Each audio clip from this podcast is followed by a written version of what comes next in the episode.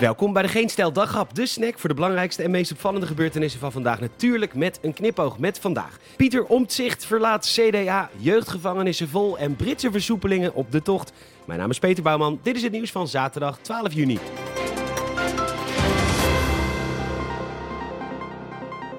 Gisteren hebben we in deze podcast al hardop nagedacht over een vertrek van Pieter Omtzigt bij het CDA. En vandaag is dat gebeurd. Via Twitter heeft hij dit laten weten, bedankt hij zijn collega's voor de 18 voorbije jaren en laat hij weten dat hij zijn zetel gewoon wil behouden. Ook laat hij weten geen interviews af en rust te nemen. Ja, het valt in de kranten niet echt op, maar Omtzigt heeft een burn-out en wellicht kan hij als eigen partij echt zijn verdiende rust nemen. Wij vragen ons wel af wat er nu gebeurt met Henry Bontebal, bekend van, ja, eigenlijk helemaal niks, maar die is de vervanger van Omtzigt in de Tweede Kamer. Werkt deze meneer nu voor Omtzigt of het CDA? Moet hij bij alle stemmingen Pieter appen of toch Wopke? En mag meneer Bontebal nog wel aanwezig zijn bij de vergaderingen van het CDA? Of moet hij eigenhandig een begin maken met de inrichting van de nieuwe partijkamer voor lijst? Dit is de toekomst de naam waar wij voor zouden kiezen voor de nieuwe partij.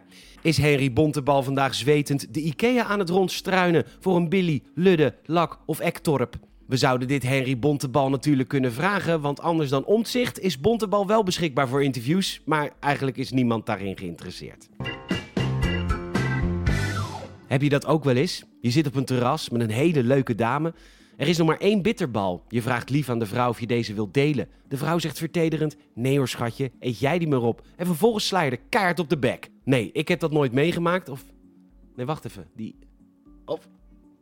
Nee, nee, nee, nee, dat was een vlammetje. Nooit meegemaakt. Een meisje uit Den Helder overkwam dit wel gisteren. Zij kreeg een hoek van een 17-jarige jongen nadat ze geen bitterbal met die kleresielkop wilde delen. Dat meldt NH Nieuws.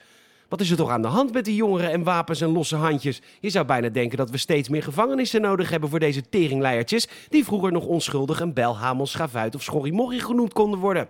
Demissionair minister Dekker denkt er in ieder geval over na om de jeugdgevangenissen uit te breiden...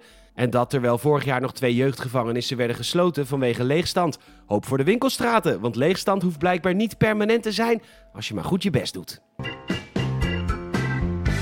De politie van Groningen had gisteren de schrik van het leven. Jurgen Konings, de Belgische ex-militair die nu zijn beroep gevonden heeft in het terroristenwezen, zou gezien zijn in de provincie.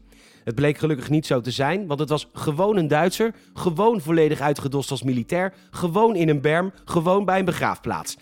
En het mag natuurlijk, maar als Duitser is dat sowieso niet handig om te doen. Het is een beetje als dat je een ex-lid bent van de Ku Klux Klan, maar dat je nog wel graag over straat gaat met een witte puntmuts. Ja, vroeger was ik SS-officier, maar die rode band met het logo om mijn arm vind ik gewoon esthetisch prettig. Eigenlijk is het best jammer dat Konings er niet was, want anders dan de prutsers in België hadden onze politiehelden hem gewoon direct uitgeschakeld. Je weet wel, Brook in Waterland style. Halt, politie!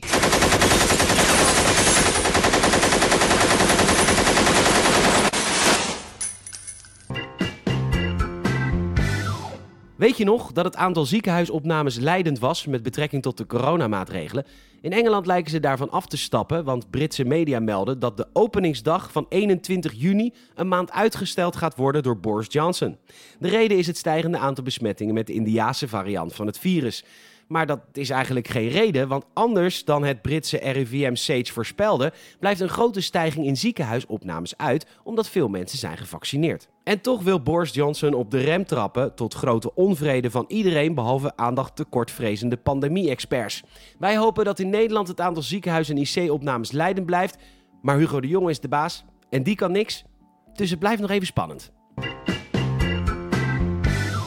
Bedankt voor het luisteren en je zou ons enorm helpen als je een vriend of vriendin vertelt over deze podcast. En ook een Apple Podcast review zouden we enorm tof vinden. Dank je wel daarvoor. Maak er een hele mooie zondag van en tot morgen.